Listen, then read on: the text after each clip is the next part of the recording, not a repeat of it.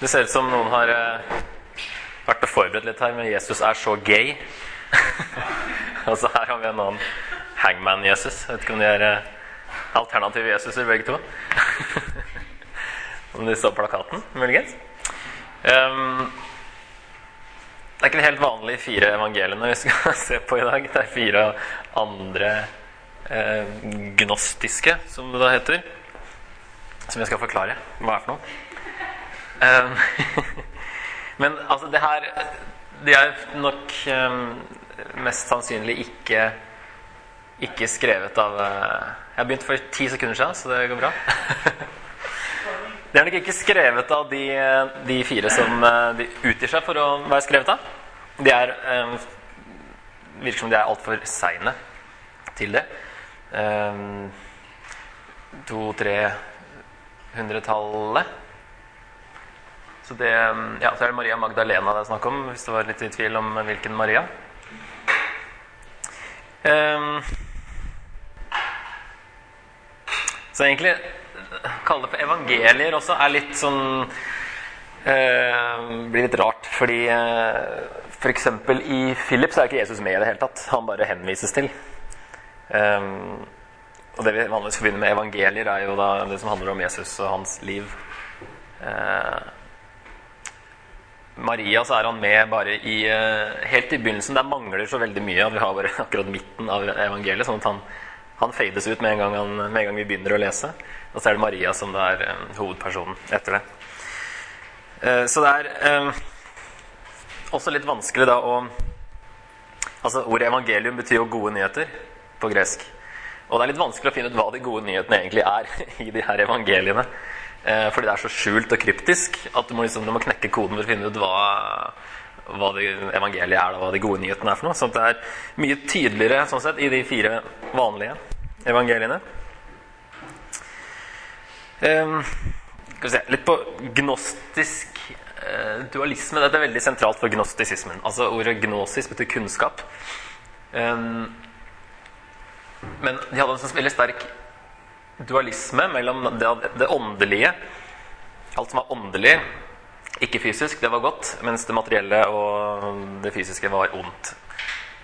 Derfor ble det en litt annet syn på Jesus også, siden Jesus ikke kunne være Altså Gud kunne ikke bli menneske i Jesus. For da ånden kunne ikke mikses med materie, for det, det gikk ikke, ifølge gnostikerne. Så da måtte de da tolke Egentlig delte seg i to retninger på hvordan de så på Jesus. At enten så var han eh, Det så ut som han var et menneske, men egentlig så var han bare en, et sånn spøkelseaktig. En ånd. Som så ut som han hadde en menneskelig kropp. Mens den andre retningen eh, trodde at han da var bare Jesus av Nasaret, helt vanlig menneske. Mens eh, Kristus var da noe som kom fra oven, fra, fra himmelen, og var over Jesus i tre, tre, år. Men forlot han rett før han døde på korset. Så det var litt to retninger. Du måtte forklare Jesus på en annen måte. Eh, skaperverket, da, hele verden, er da ondt. Og det var egentlig et uhell at verden ble skapt. Det var egentlig ja, ganske mislykka skaperverk. Og kroppen er da noe negativt, mens sjelen er positivt. Så kroppen er et fengsel for sjelen. Litt sånn østlig religion. Eh, så poenget var da å få denne kunnskapen, denne gnosisen, man da kunne bli fri fra, fra kroppen. Så eh, denne kunnskapen da består Ja, ok, den er altså eh, en spesiell innsikt, en spesiell åpenbaring. Som da egentlig bare noen få kan få tak i. Det er ikke for alle. Det er den eliten, den intellektuelle elite. De delte gjerne menneskeheten inn i tre, i tre deler. Er det bare jeg tror den, den, øverste delen var da de som hadde denne gnisten, den guddommelige gnisten i seg, som de kunne finne, og dermed eh, nærmest frelse seg sjøl. Eller så eh, var det da den eh, midtre delen seg, den, de aller fleste mennesker. Og så var det da den laveste Jeg husker ikke om det var noen konkrete, men det var de som var helt håpløse. Da. Men i hvert fall så var det, var det øverste sjiktet som var, hadde egentlig størst sjanse for å klare dette her. Og kunnskapen da besto faktisk i en rekke passord for å kunne komme seg forbi åndelige hindringer i universet. På vei tilbake til den store himmelske ånd, når du da kom fri fra kroppen og skulle da eh, opp der. Eh, Mariaevangeliet er det sånn, da forteller hun om hvordan du kan overvinne forskjellige sånne makter som står og, og hindrer. Det er vel ikke noen tydelige passord, men det var liksom sånn koder Jeg vet ikke helt det. Hvordan, jeg er blitt forvirra sjøl. Altså, det er vanskelig å forstå egentlig hva det dreier seg om i evangeliene. når jeg prøvde å lese det. Eh, de er ikke så lange, og de finner det på Internett hvis du har lyst til å prøve sjøl. Eh, de er absolutt ikke så lange som de evangeliene i Bibelen. Og så er det jo mye som mangler også, sånn at det blir plutselig hmm, ikke så mye igjen da med masse høl i manuskriptet og sånne ting. Uh, Ireneus, en biskop på 100-tallet, han var en av de første som da snakka imot eller av det vi har kilder fra, hvert fall, som snakka imot uh, gnostikerne. Sånn, han hevda at det ikke fantes noen sånn hemmelig tradisjon i menighetene som apostlene grunnla. Hvis apostlene hadde visst om sånn hemmelig, den hemmelige kunnskapen, så ville de ha gitt det videre til menighetene som de grunnla. Så han mener at det er argument imot. Og at han sjøl også ville ha fått vite om denne kunnskapen, ettersom han sto i han bare to ledd unna apostelen Johannes, med Polikarp, som var en disippel av Johannes, som da Ireneus var en disippel av. Eh, og han da mener at skapelsen var god, eh, og at Jesus sjøl var med i skapelsen og kom da til sitt eget skaperverk for å frelse det. Og at det ikke bare er en del av mennesket, sjelen, men hele kroppen og sjelen som skal frelses. da. Um, så han eh, skriver vel på 170-tallet. Det er her altså Noen mener at Judas-evangeliet er såpass gammelt siden han refererer til et evangelium av Judas, men det ser ikke ut som innholdet stemmer med det Judas-evangeliet som vi da har funnet senere. Så det er ikke sånn automatisk link at det er så gammelt som det her, for det er blitt karbondatert til rundt år 300. Sånn at uh, det er ikke sikkert det er det samme som han snakker om da, på 100-tallet. Men det var utover på 100-tallet at gnostisismen begynte å bli en sånn formell uh, lære, som da var den første eh, store vranglære, da. Sett fra kirkelig synspunkt. Så eh, Thomas evangeliet er kanskje det mest kjente. Det er et sitat fra gnosis.org, som jeg oversatte i full fart. I dag vil de fleste av Thomas evangeliets lesere være enige i at det har åpnet for et nytt syn på den kristne tradisjons første stemme, Studier av Thomas-evangeliet har ført til en sterk revurdering av kreftene og hendelsene som utformet den rette lære i løpet av det andre og tredje århundre. Men viktigere er det at Thomas-evangeliet vekker en interesse for en glemt åndelig kristen kulturarv. Ser dere forbi meg? Eller står jeg Ja, ok. Så det er, det er litt den derre at kirka har Den tanken at kirka har undertrykket undertrykt de der evangeliene de ikke likte, um, som da var liksom farlige, eller som var uh, hemmelige. Um, de er jo ikke så veldig farlige eller hemmelige, men det var jo, kirka mente at det var feil innhold. Og at det ikke var skrevet av noen apostler. Da, at det ikke var Thomas som hadde skrevet det, siden det var for seint. Og det, var, det stemte ikke med det de allerede hadde hørt av apostelen Thomas, som hadde blitt overlevert. Um, men det er litt den der, hvis du har sett deg lei på Bibelens evangelier, så har vi Thomas-evangeliet. Her har vi liksom noe annet som du kan, kanskje noe du liker bedre. Litt den holdninga som uh, virker som uh, gjerne kommer når, uh, eller blir presentert da, sammen med Thomas-evangeliet. Mm, her er det heller ikke noen noe uh, hendelser. Det er bare, bare masse utsagn av Jesus. Uh, så var en, en nytestamentlig professor som kalte det for dette her var egentlig bare 'Jesus the talking head'. Det var egentlig bare masse utsagn, ikke noe handling. Det er litt mer handling i Judas evangeliet. Så jeg kan se på noen uh, utsagn. Dette er sånn det begynner. Dette er de skjulte utsagnene som den levende Jesus talte, og Didymos Judas Thomas skrev ned. Um, og han sa, 'Den som finner tolkningen av disse utsagnene, vil ikke smake døden'. Her har vi nøkkelen. Du må finne tolkningen. Du må knekke koden. Da skal du få um, evig liv. Når dere kjenner dere selv, da skal dere bli kjent, og dere skal vite at dere er sønner av den levende far. Men hvis dere ikke kjenner dere selv, da er dere i fattigdom. Ja, dere er fattigdommen. Det er ikke alt som er like fremmed. altså Det er noe du kjenner igjen fra, fra de kjente evangeliene. Og så er det noe som har, som har fått en liten ny vri. Eh, jeg tror det kommer noen eksempler etterpå. Og så har det sånne ting som det her, som er helt annerledes. At, må, at det er en intellektuell eh, frelse det dreier seg om. At du må finne noe her inne. Jesus sa til dem hvis dere faster, vil dere bringe synd over dere selv. Og hvis dere ber, vil dere bli fordømt. Og hvis dere gir til de fattige, vil dere, vil dere skade åndene deres. Så her er ikke Bønn er ikke lov. eh, Og ikke hjelpe de fattige heller. Da blir åndene deres skada. Så det er ikke sånn veldig snill Jesus her. Um, Jesus så noen spedbarn bli ammet. Han sa til disiplene sine disse spedbarna er lik de som kommer inn i riket. De sa til ham, skal vi da komme inn i riket som spedbarn? Det er litt, sånn, litt kjent fra, fra, Jesus i eh, de andre evangeliene, de bibelske. Eh, men svaret her er ganske annerledes. Jesus sa til dem når dere gjør de to til én, og når dere gjør det indre lik det ytre og det ytre lik det indre, og det øvre lik det nedre, og når dere gjør mann og kvinne til én, slik at mannen ikke vil være mann og kvinnen ikke vil være kvinne, når dere gjør øyne i stedet for et øye, en hånd i stedet for en hånd, en fot i stedet for en fot, et bilde i stedet for et bilde, da vil dere komme inn i riket. Den som klarer å finne ut hva det betyr, kan komme inn i riket. Litt mer komplisert enn det jeg forventa ut fra å ha lest eh, de andre vanlige evangeliene. Hvis dere ikke faster fra verden, vil dere ikke finne riket. I stad sa han at det ikke var lov å faste, men her er det snakk om å faste, faste fra verden. Det er vel det der om verden var ond. ikke sant? Du måtte bli fri fra verden. Hvis dere ikke holder sabbaten som sabbat, vil dere ikke se Faderen. Nå kommer det to ekstra bud. Jesus sa, 'Jeg forklarer mine mysterier til de som er verdig mine mysterier'. Det er kanskje en tolkning, siden det står i klammer, at det mangler noe. Og så har de tenkt at det er det han sier. Det kommer mye mer av det i, i Judas, f.eks. Eh, akkurat når jeg skulle til å si liksom noe viktig, så bare, her mangla det fem linjer. Og så får du aldri vite hva det var. Men eh, må, de oversetterne har tolka litt, da. Men her er det at Jesus da forklarer det til de han ser er verdig. Det er ikke for alle. Jesus sa den som kjenner alt, men mangler seg selv, mangler alt. Jesus sa når dere bringer dette som er i dere, i dere, frem fra dere selv, skal dette som dere har, frelse dere. Hvis dere ikke har dette i dere, skal det som dere ikke har, drepe dere. Det er gnostisismen å finne, finne den guddommelige kjernen. At frelsen ligger inne i mennesket.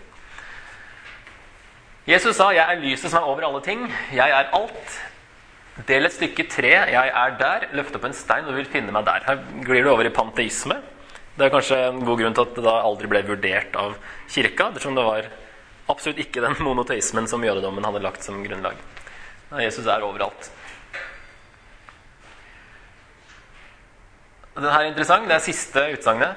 Eh, Simon Peter sa til dem, 'Få Maria til å forlate oss, for kvinner fortjener ikke livet.' Jesus sa, 'Jeg vil lede henne til å bli en mann, for at hun også kan bli en levende ånd lik dere menn.' For hver kvinne som gjør seg selv til mann, vil komme inn i himmelriket. Så her er det ikke for annet enn menn i utgangspunktet. Du må, jeg vet ikke helt hvordan man gjør seg selv til mann, men i Maria-evangeliet så har Maria da blitt gjort til en mann, sier hun. Eh, referer tilbake til det her.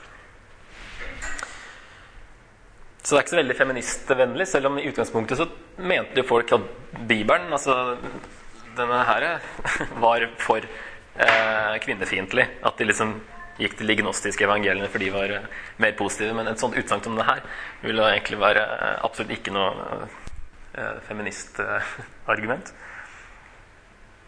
Mens Bibelen gir faktisk eh, mye mer rom og muligheter for, for kvinner enn det gnostikerne gjør. Judas Kan vi se eh, Det har vært litt i vinden i det siste. Her har vi gnostiske hemmeligheter. Åpenbart.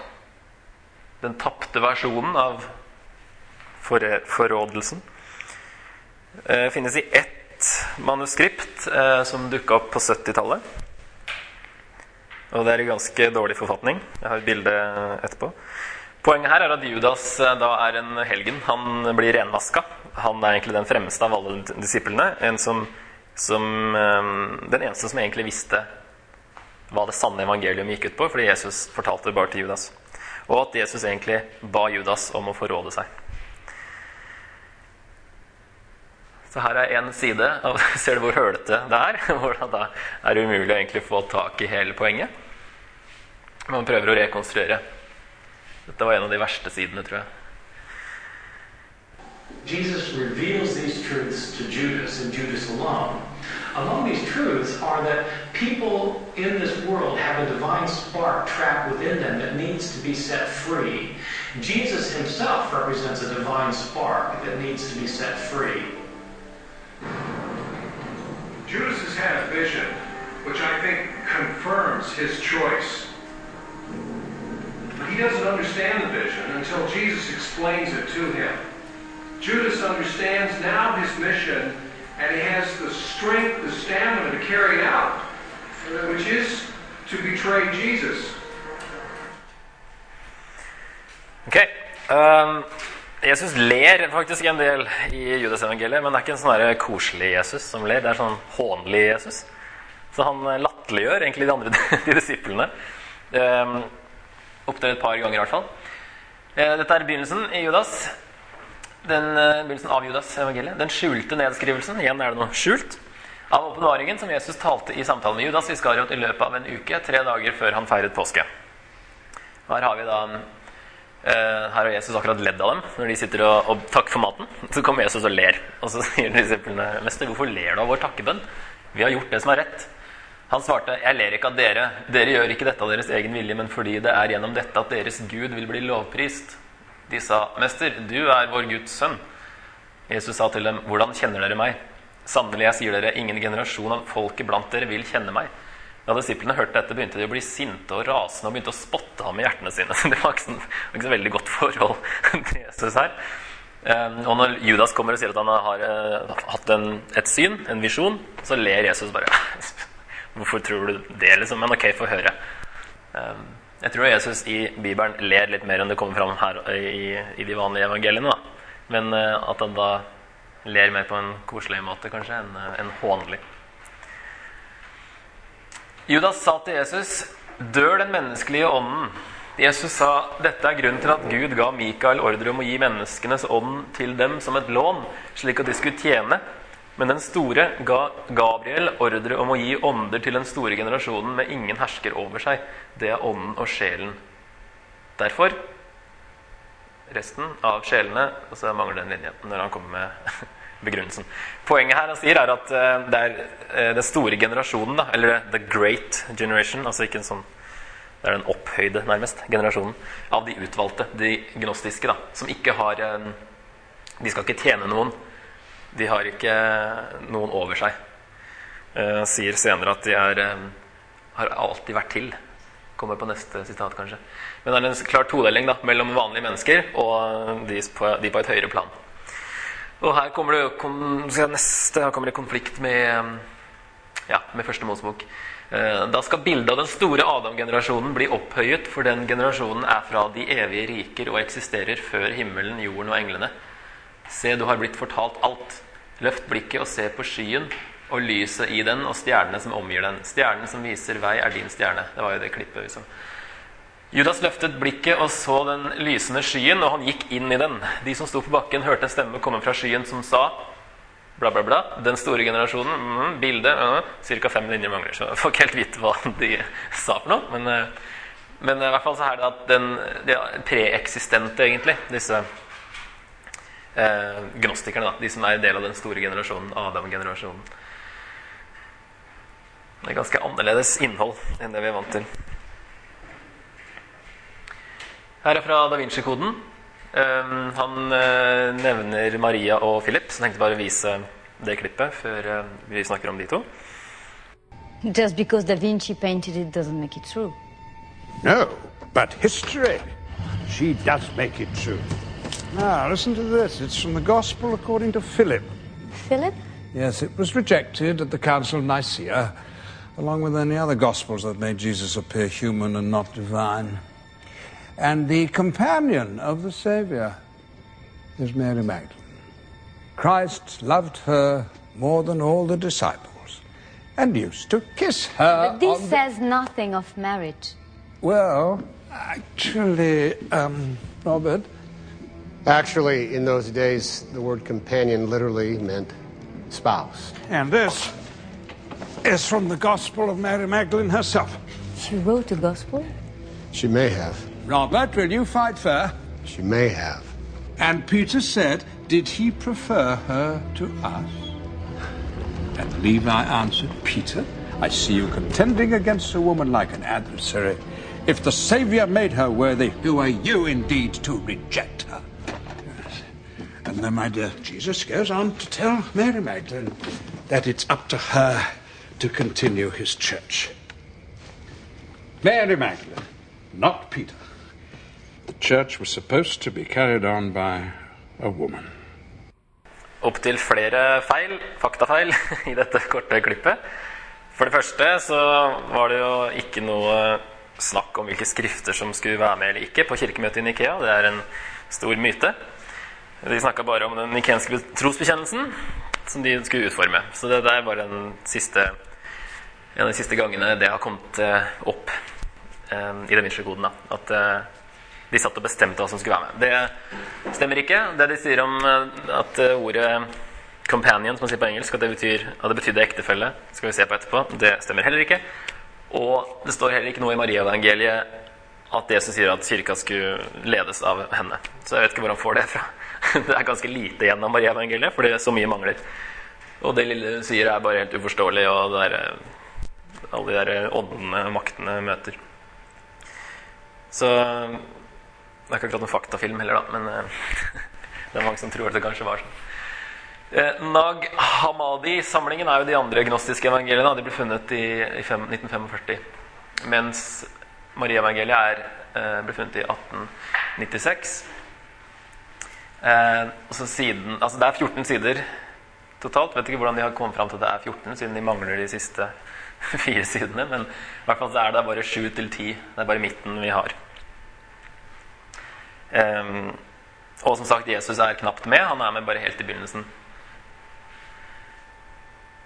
Et hemmelig evangelium av Maria Magdalena. Det er liksom sånn mystisk og spennende. Her har vi et um, Det er rett etter at Jesus har da gått av, forlatt scenen, så er det Maria som, som overtar her. Men de, altså, disiplene var lei seg. De gråt og sa:" Hvordan skal vi kunne gå til hedningene og forkynne evangeliet om menneskesønnens rike? Hvis de ikke lot ham leve, hvordan kan de la oss leve? Da reiste Maria seg, hilste dem alle og sa til sine brødre.: Ikke gråt og ikke sørg eller vær usikre, for Hans nåde vil være med dere fullstendig og vil beskytte dere. Men la oss i stedet prise Hans storhet, for Han har forberedt oss og gjort oss til menn. Her er det da den Thomas evangeliet. Maria har blitt gjort til en mann. Da Maria sa dette, vendte hun deres hjerter til det gode, og de begynte å snakke om Frelserens ord. Peter sa til Maria, 'Søster, vi vet at Frelseren elsket deg mer enn andre kvinner.' 'Fortell oss Frelserens ord som du husker, som du vet, men vi vet ikke.' 'Heller ikke har vi hørt dem.' Maria svarte, 'Jeg skal forkynne dere det som er skjult for dere.'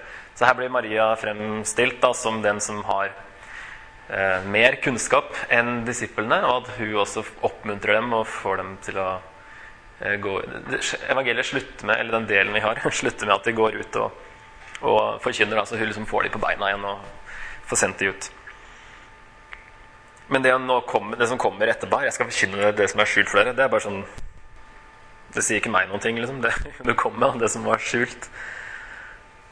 Ja, det er ikke så interessant, egentlig, å, ta det med. Dette er det han siterte i Da Vinci-koden. En del av det i hvert fall. Peter spurte dem angående frelseren. Talte han virkelig privat med en kvinne og ikke åpent med oss? Her er det litt sånn der drøfting. Kan dette her stemme? ikke sant? For så tar vi uh, motstanderens argumenter. Skal vi da vende oss og lytte til henne alle sammen? Foretrakk han henne framfor oss? Da gråt Maria og sa til Peter.: Min bror Peter, hva tror du? Tror du jeg har funnet på dette selv i mitt eget hjerte, eller at jeg lyver om frelseren? Levi svarte og sa til Peter, Peter, du har alltid vært temperamentsfull. Nå ser jeg at du kjemper mot kvinnen som mot fiendene. Men hvis Frelseren gjorde henne verdig, hvilken rett har du da til å avvise henne? Frelseren kjenner henne da veldig godt. Det er derfor han elsket henne mer enn oss. Så her kommer da Levi til unnsetning og, eh, mot Peter. Kanskje Peter sto for den mer sånn tradisjonelle kirkemakt ute på 300-tallet, når det ble eh, statsreligion helt på slutten av 300-tallet, for så vidt. Men at det kanskje er litt sånn mot, eh, motvekt til det. Uh, Philip, det siste. The Sacred Union, det er, det er, det det dreier seg om. Altså hemmelige Eller sånn hellig, mener jeg. Hellig um, forening av Man bruker liksom ekteskapet mann og kvinne som et eksempel. Selv om det ses på som urent, så er det da en annen forening det er snakk om. Og det er liksom å forene seg med sannheten inni seg. eller noe sånt da. Men det bruker ekteskapet på, som et bilde på det, selv om det er veldig da asketisk, egentlig, skriftet selv. da. Uh, ja, Så heter det jo ikke Filip-evangeliet eh, noe sted, men Filip er den eneste av apostlene som er nevnt. Men så er det et sitat som sier da For Faderen salvet Sønnen, og Sønnen salvet apostlene. Apostlene salvet oss. Så den som skriver dette her, eh, påstår ikke å være Philip. Han påstår ikke å være en av apostlene, men noen som apostlene har da undervist og, og salvet senere. Skrevet en gang mellom 150 og 300. Eh, og her finner du også sitater fra mange av, av bøkene i Nytestamentet. Så det er tydelig skrevet eh, mye senere. De som sier at Herren først døde og deretter oppsto, tar feil, for han oppsto først og deretter døde. Hvis noen ikke først når fram til oppstandelsen, vil han ikke dø. Det er litt sånn polemisk. altså De angriper litt og korrigerer den vanlige oppfatningen. Men her eh, det er litt vanskelig å få tak i, kanskje. Men eh, en, man hevder visst at det her betyr da at eh, oppstandelsen, kroppens oppstandelse, da redefineres til å være en unnfangelse før du blir født. Så det er en sånn preeksistent opplegg igjen. da, Sånn at du, du må oppstå før du, før du dør. I hvert fall. Kanskje før du blir født også. Eh, noen sier 'Maria unnfanget ved Den hellige ånd'. De tar feil. De vet ikke hva de sier. Når, når har noen gang en kvinne unnfanget ved en kvinne? Her er da Hellige ånd en kvinne. Maria er jomfruen som ingen makt har gjort uren. Hun er da alltid en jomfru. Og Frelseren ville ikke sagt 'min far som er i himmelen' hvis han ikke hadde hatt en annen far, men han ville kun ha sagt 'min far'. Så Jesus, mener at Jesus da, for å skille mellom Josef og, og, og Gud, da, ville, at det derfor han sa 'min far som er i himmelen'. Sånn at, at Jesus da ikke var Guds sønn, kanskje? Det er det som menes. Uh, ja, her er dette fra, som, fra Da Vinci-koden. Og Kristi, og så er det greske ordet 'koinonos', uh, er Maria Magdalena. Herren elsket Maria mer enn Så er det mangler en del i, i setningen her også. Mer enn alle de andre disiplene, og han kysset henne ofte på munnen hennes. Uh, men egentlig så Ta bort alt som står i, i parenteser her, så er det ikke så mye igjen, så du vet egentlig ikke helt hva som sies. Um, men dette ordet, koinonos, det er, som sagt, betyr ikke, betydde ikke på den tida uh, hustru. Det kan bety partner, medtjener eller kollega. Det kan brukes som hvem som helst som står noen nær. Og det er ikke det vanlige ordet for kone. Og noe annet i teksten måtte antyde et ekteskap for at det skal bety det her. Og det var jo det hun dama på filmen også kom med. Det her sier jo ikke noe om ekteskap. Det har hun helt rett i. Og det trenger da ikke være noe mer enn uh, at de var kollegaer, medtjenere, samme sak. Eh, en annen ting er at den kyssinga også et, eh, var et gnostisk rituale som man trodde overførte hemmelig kunnskap fra en person til en annen. Sånt, eh, et slags helligkyss som da ikke har noe å gjøre med romantikk. Men det vil heller bare si at Maria kanskje hadde fått en spesiell åpenbaring, eller fått denne kunnskapen av Jesus. Ikke at de var gift og hadde unger osv. Uh, og hvis hele Philip-evangeliet er da asketisk, så passer det ikke med en gift Jesus når de ser veldig ned på ekteskapet. At det er urent. Uh, man kan også si at, den, altså egentlig at hele teorien da er det var en som sa den like, like full av høl som manuskriptet. og det ser da ganske mange høl. Så det er uh, egentlig denne hele teorien at Jesus var gift med Maria Magdalena, er veldig på tynt grunnlag. Her har vi poenget med at Jesus kom. Hvis kvinnen ikke hadde skilt seg fra mannen, ville hun ikke senere ha dødd sammen med mannen. Deres adskillelse var begynnelsen på døden. Derfor kom Kristus slik at han skulle rette opp igjen adskillelsen som hadde skjedd i begynnelsen, ved å forene de to. Og ved å forene dem skal han gi deres liv, de i, deres liv til de som har dødd i adskillelsen. Likevel forenes kvinnen med sin mann i brudekammeret. Jeg vet ikke hva brudekammeret er, men det nevnes ofte i Filippevangeliet Men de som har blitt forent i brudekammeret, vil ikke lenger være avskilt. Pga. dette skilte Eva seg fra Adam fordi hun ikke ble forent med ham i brudekammeret. Et eller annet som skjer i brudekammeret her i gnostisismen, som er kanskje der man oppdager sannheten. eller noe sånt. Men Jesus kom for å da rette opp igjen denne adskillelsen. Høres ut som de er veldig positive til ekteskap, og sånne ting, men så er det andre steder som da ikke er det. Da Abraham hadde gledet seg over å se hva han skulle få se, omskar han forhuden, og med det viste han oss at det er riktig å avvise kroppen som tilhører denne verden. Der har vi den 'kroppen er ond'-tanken. Og uviten, uvitenhet er all ondskaps mor, og uvitenhet kommer av forvirring. Sannheten er herlig fordi den, fordi den seirer over uvitenhet og setter fri fra forvirring. Ved å gjenkjenne sannheten finner vi sannhetens frukter i våre hjerter. Ved å forenes med den skal vi motta vår fullstendighet. Så uvitenhet er problemet. Og du finner sannheten da i hjertet, og ved å forenes med den, det er da det blir fullstendig. Ja. Akkurat den siste her, så er det veldig sånn objektiv lek. Altså, Ja, inn i, i parentesene? Ja. Jeg vet ikke om de ser litt på sammenhengen, da. Uh, utenfor det sitatet også, men, uh, men ja, det er ikke Siden det bare fins gjerne i Jeg vet ikke hvor, om Filip-evangeliet fins i flere eksemplarer i det hele tatt. I hvert fall gjør ikke Maria og Judas det. Og da er det vel vanskelig å finne ut hva som da sies av og til. Derfor er det da enda vanskeligere å basere noe som helst av tro på det, når du egentlig ikke vet eh, hva, hva budskapet er. Eh, Helt til slutt så har jeg bare laget en sånn eh, sammenligning mellom Thomas, Judas, Maria, Philip og Bibelen. På hovedessensene i budskapet. Prøvd, det er min tolkning mye av det her, men prøvd å finne noen spor i, i de andre evangeliene. Hva de sier um, om hvordan man blir frelst osv. Så, videre. så uh, først menneskenes problem er ifølge Thomas at de ikke kjenner seg selv. Judas at de er fanget i kroppen. Maria at de gjør handlinger som er ekteskapsbryting av natur. Jeg skjønner ikke helt hva det betyr. Jesus sier at det finnes ikke noe som er synd, men det er synd når dere gjør ting som av natur er som ekteskapsbryting. Så uklart. Men um, det var det, det lille av Maria som vi har. Uh, Philip fanget i kroppen pga. uvitenhet. Bibelen så er det synd som er problemet. Eh, hvordan blir man frelst? Det er da ifølge Thomas å kjenne seg selv, eller sin guddommelige gnist. Eller finne den. Eh, tolke utsagnene rett. Faste fra verden og holde sabbaten.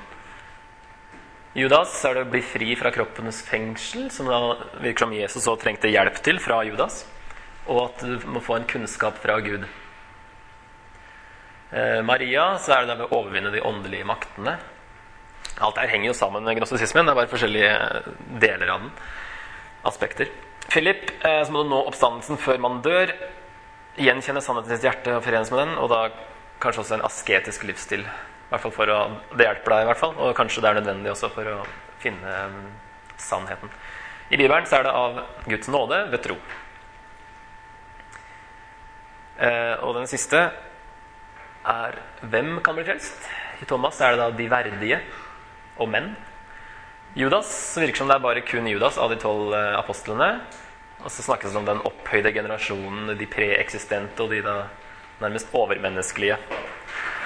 Maria er da også menn. Eh, Philip, de som har blitt kysset, som har fått kanskje denne spesielle kunnskapen. Også preeksistente snakk om der. Mens i Bibelen så er det alle, inkludert kvinner, og de uverdige og de minste og de siste og de fattige og de enkle og de utstøtte. Egentlig det er spesielt de som da faller utafor, som er eh, i Bibelen. da. Mens eh, som sagt, gnostisismen er, er litt sånn arrogant bare for de, de smarte, nærmest. Um, og så er det også når man da, De som da mener at eh, disse senere skriftene representerer eh, en gren av kristendommen, og kanskje det er den, den rette kristendommen, så har vi jo andre skrifter som ikke er med i Bibelen, som er mye eldre, som er skrevet helt på slutten av 100-tallet. Fra 90 90-tallet er i hvert fall to skrifter som heter Didaché og Første Clemens brev, som da er veldig i tråd med det vi har i Nytestamentet, men det er fortsatt ikke med i Nytestamentet. Eh, sånn at de ville da egentlig, siden de er eldre også, burde få forrang framfor disse senere gnostiske. Barnabas-brevet er også eldre, og Ignatius var en fyr som skrev noen brev. Og så er det et skrift som heter Hermas. Alle de er fra på 90-tallet eller tidlig 100-tall. Sånn at eh, alle er eldre enn disse her, da. Og i tråd med, med det kjente budskapet. Og det er jo et viktig prinsipp i historien at det, de kildene som er eldst, som er nærmest opp til hendelsen, er mest troverdige. Sånn i utgangspunktet, i hvert fall. Siden de også da kunne korrigeres av de som da levde på den tida. Når det ble skrevet. Ser du det her. Dette stemmer ikke. Ok?